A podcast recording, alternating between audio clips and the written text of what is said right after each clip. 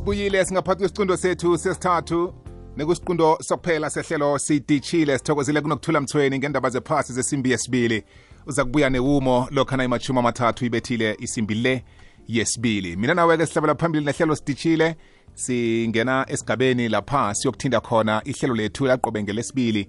Lapha siletha khona ifundo nelwazi ngendaba ezithinda ukukhubazeka. Ukhumbule mntwana ekhaya bona sizokufundisa okuningi khulu ngaphakathi kwaleli hlelo begoduke nawe sithemba ukuthi uzokuthabela ukwazi ilwazi elifana leli ngoba abaningi bethu nasiqala ukukhubazeka eh aye sicabange ukuthi lihlangothi labantu abathileko eh abangathindani nathi eh abaphila ndawana thile. Ngihlala ngifundisa ukuthi ngaphambi kobana ubone ukukhubazeka eh emntwini ngibawa uthome ubone umuntu. Thome ubone umuntu qangi. Ungathomi ubona ukukhubazeka bese na ufanisa ngomuntu abakubuza bathi ngibani okuhamba lapha? Ufanise ngokukhubazeka kwakhe. Ayenziwa into efana naleyo. Sekufana nokuthi na ukhuluma ukuthi umuntu ophila nokukhubazeka eh kwanga ukukhubazeka lokhu kuphila ngaphakathi kwakhe. Asitsho njalo sithi umuntu okhubazekileko. Uyibeke kuhle na utsho njalo? Umuntu okhubazekileko. Yebo into efana leyo. Eh ngokuningi-ke sisakuhamba sithinda kodwana-ke namhlanje ngikhambisana notom mashiya ovela-ke bakwa-dpsa esifundeni sangempumalanga. Siyokuzwa ihlelo labo lokuthoma konyaka la aye babe khona ne-back to school campaign. Eh lawa mahlelo-ke afundisako nakhumbuzako bona-ke umntwana okhubazekileko naye kufanele anikelwe ithuba lokuthola ifundo. Kuqakathekile lokhu babelethi. Kuqakathekile lokhu eh bodadewethu nabomnakwethu bomalume bomani bohulu nabanye nje abaphila eh no nomntwana okhubazekileko ekhaya apho abakhe naye abamkhulisako. Lokhu kufanele ukuthi sikwenze ngombana eh lumntwana nasimnikela ithuba lokuya esikolweni. Kusasa angabuya abe ngomunye osikhupha ngaphakathi kwalichiho esingaphakathi kwayo simndeni ngefundo yakhe. Yebo into efana leyo. Nokunikelwa ithuba lokuthi akwazi ukuzijamela eh empilweni. Machiya ngiyakwamukela ngiyakulotshisa eminyakeni omutsha. Yeche akwande mthombo dpj nakwethu niphaphamile ngapho? Mna kuthi sihlwile umraro awukho ngathani ukhona. I-envelope ebrown ubezajika-jika kodwana umuntu usaphilile. Kwamambala kwamambala sithokoza nanisaphilileko sithemba nokuthi ningene kuhle eminyakeni omutsha. Umsebenzi uthomile amahlelo asikimile kuyatinazelwa kuchingwa le nale. Eh baba umthombothi uqinisile angikulotshise ngilotshise nomvezi ngemva wakho. Ngilotshise nomlaleli ekhaya emhathweni omkhulu ekwekwezi FM eh kukhanya ba uqinisile nawuthi amahlelo athomile. singu-DPSA nathi sithi asithome nonyaka nawuthomako siqale ukuthi eh ngiziphi izinto esingayelelisa nesingaziletha emphakathini esiphila kiwo ukuze umuntu okhubazekileko bamazi naye abazi abantu nokuthi kuhlanganwa njani. Njengoba soyibekile mthombothi. Kwamambala ngiyathokoza mnumzana umashiya. Asikhulume ngayo i-back to school campaign ukuqakatheka kwayo bese uthabulukele ehlangothini le-inclusive education ukuthi iyini ngoba kungenzeka abanye mhlambe abakayijayeli namkha abakayizwisisi nababona umntwana okhubazekileko bacabanga ukuthi angeze aya esikolweni lesi esikhona eduze ekhaya ngokukhandeleka mhlambe ngokukhubazeka kwakhe. Eh uzayithabulula ukufika lapha umlaleli azayizwisisa khona ukuthi nasikhuluma nge-inclusive education sikhuluma ngani eh mthombothi angithokoze sithokoze nethuba. Njengoba soshile ukuthi sithe singu-DPSA nathi asihlanganyele kule nto ye-back to school campaign. Siyazi ukuthi omunye nomunye umntwana ngesikhathi simele kube uhlezi phasi utitsher ojame phambi kwakhe uyafundisa ukuba nale nto ebizwa nge-teaching and learning. Um unyaka nawuthomako kungamoro sesinye isikhathi sazi ukuthi ifundo iqakathekile. Eh phezu kwalapho njengoba nabantu namkha abantwana abakhubazekileko. Nabo ngabanye ekumele sithi na unyaka nawuthomako sibabone basenkolweni kodwana kunalento umphakathi ongakhona ukuzwisisa ukuthi umntwana nakakhubazekileko aku-school going age naye kufanele ukuthi akhambe nabanye abantwana ngoba omunye nomunye umntwana unelungelo lokuthi abe sesikolweni afunde ngokuya ngokomthetho osisekelo eh ukuthi omunye nomunye umntwana une une une right to education. And eh phezu kwelungelelo kuba nalento yokuthi akungabandlululwa namkha ku-discriminate ukuthi lo ukhubazekile akumelanga abe sesikolweni lo ukhubazekile kumele ahlale ekhaya i-non-discrimination act nayo iyangena lapho namka iyahelebhisa so sengu-DPSA sithi emnyangweni wezifundo siyazi ukuthi kunale hlelo balisebenzisako le-inclusive education. Yeah. etsho ukuthi ifundo ehlanganyeleko namkha ifundo le ehlanganisa wonke umntwana esikolweni kungaqalwa ukuthi usesimeni namkha usebujameni obunjani Mm. i-inclusive education ithi asithathe umntwana okhubazekileko afundiswe ngokulingana nangokufana nomntwana ongakakhubazeki Mm.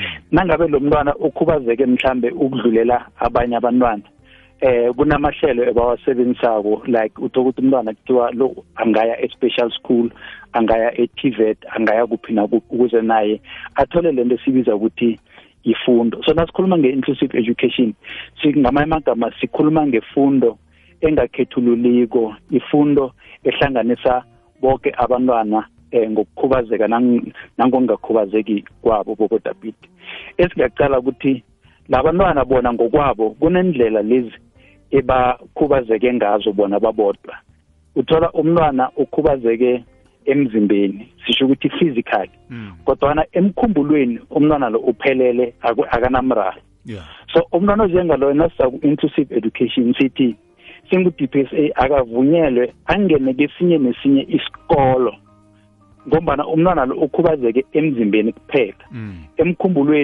Emkhumbulweni usebenza ngokufana njengabanye abantwana so into engenzeka ngokuya ngoku-inclusive education ithi asitshentshe indawo namkha sijugulule isikolo lesi umntwana lozobafunda kiso Mm. angenza umzekelo nangumntwana mhlambe usebenzisa ingodo zokukhamba ama-crutches namkha usebenzisa isitulo sokukhamba Yeah. Eh umntwana loyo iklasi lakhe liku-two floor or liphezudlwana Mm. so angeke sithi umntwana lo angeke simthathe esikoleni ngombana iklasi ekumele angene kilo liphezulu Mm. into esingayenza sisikolo ukuthatha i-grade layer yonke siyehlisele la umntwana lo angakhona ukuthi angene khona Mm. akusiyinto e- engawisa nomntwana embhedeni or engabulala ipukani ngoba sowuthatha i-grade uyisa la umntwana lo akhona ungena khona ifundo iyachubeka uyithola ngokufaneleko. Ngombana umntwana lo emkhumbulweni akanamraro akusilo mntwana sithi uyi-slow learner. Mm. bese siyabuya-ke inclusive ithi umntwana nangabe uyi-slow learner esikolweni abotitshere bayazi ukuthi ngiziphi izinto kufanele bazenze ukuqinisekisa ukuthi lo mntwana akabambi njengabanye namkha u-slow learner. Yeah. bese kunale nkolo lezi ebazibiza ukuthi ma-full service school. Eh le nkolo eziqale khulukhulu labantwana angathi babamba eh slow nyana njengoba sengishilo babambela kude kodwana bayafana nabanye abantwana Mm.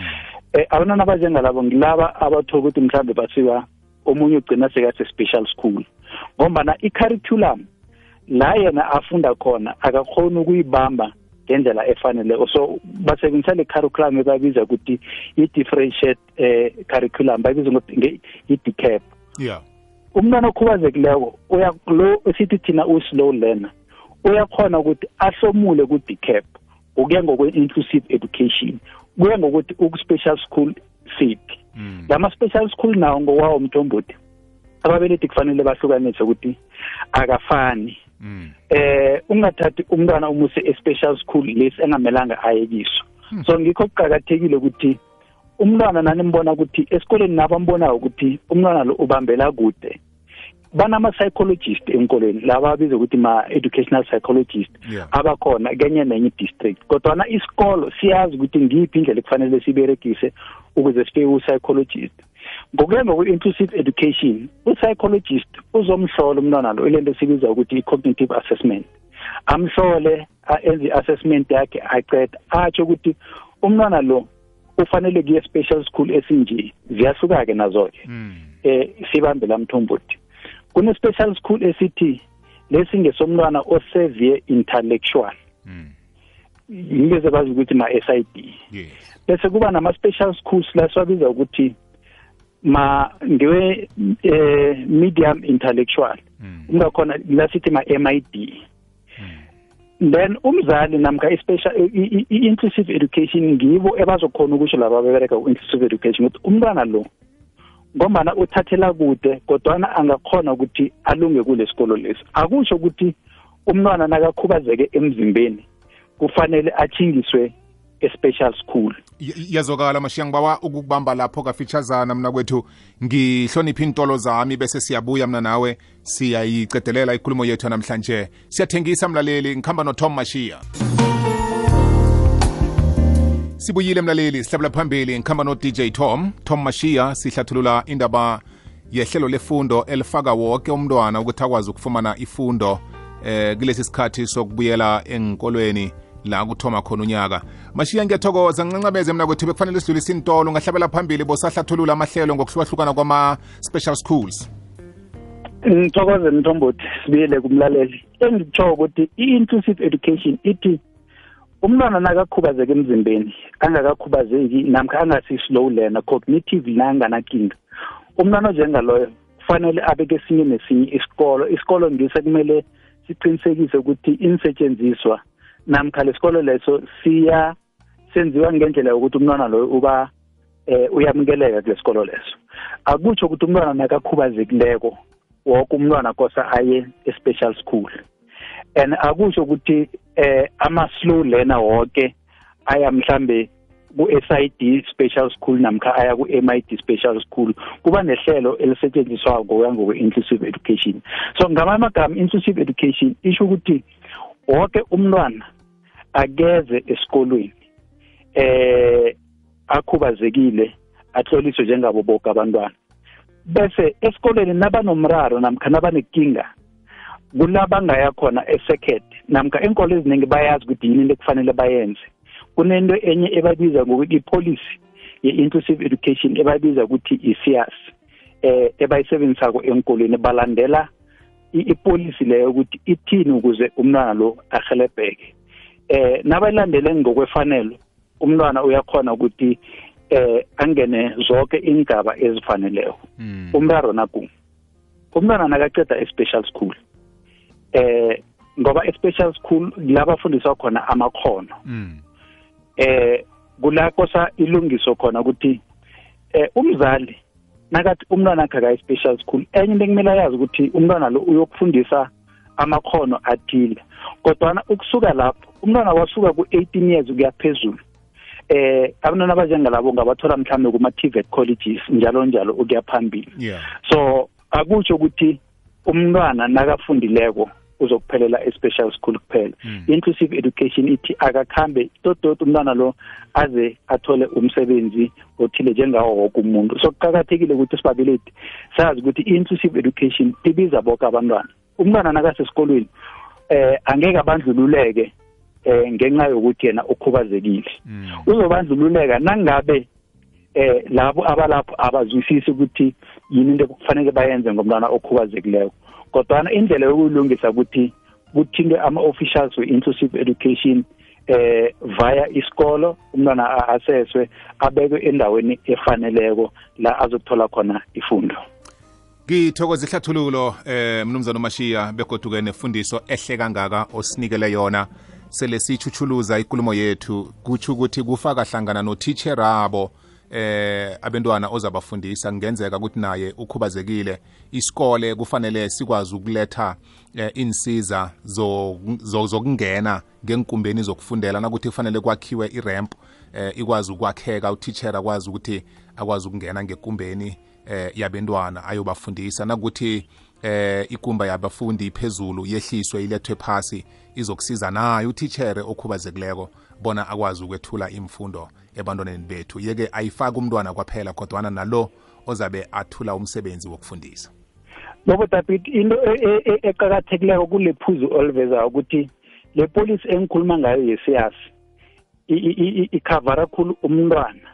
Bese lo ochashweko lo i-employment equity act namkha ya angithi i-employment equity act Mm. ne-code of good practice on key aspect of disability in the workplace naye iyamfaka la phakathi. Abantu ababili laba bayaberekisana Mm. ngamanye amagama indawo le itatawu ebahlanganyela kilo kufanele lifane Mm. kungaqalwa ukuthi lo eh uyi-opponent lo akathi opponent. Ngamanye amagama umfundisi nomfundi bahlangana eklasini. Nangabe bakhubazeke bobabili kufanele bahlangane eklasini. Le class le urhulumende kufanele alenze ukuthi bobabili libafake libaphathe ngendlela efanako. Ngikuzwile mnumzana umashiya banithola phi-ke ukunithinda mhlambe nokuletha ilwazi ngoba elinye ilwazi likhona khona kibe emphakathini ha eh, ezinye zezinto esingazaziko nesingaziboniko abangakwazi ukuthi baziveze ngaphambili ngaphambili kini eh lapha sizaziletha khona emoyeni sikhulume ngazo ukuthi-ke sikhumbuzane sifundisane sikwazi ukuthuthukisana. Eh sitholakala ku 013 794 1711 nabathinte le office lelo bayazi ukuthi eofisini ukuthi ngubani kenye district esokuthi umbelethi simdlulisele kuye ukuthi akhona ukukhelebheka thokozile mnumzana umashiya kube imini emnandi? Ngonganatshetshwe nonganalwazi othathele okhubazekileko phasi. Hlezi nayibunjalo akoze ahake ngutom mashiya mlaleli. Ngelesibili namhlanje siyithinda bunjalo ikulumo ethinda ukukhubazeka isewula afrika. Ngiyakhumbuza ngaphambi kobana ubone ukukhubazeka komuntu ngiba wabona umuntu loyo qangi. Ungasabi nokumbuza ibizo lakhe bona ungubani. Uthi na umbiza kumbize ngebizo lakhe ungambizi ngokukhubazeka kwakhe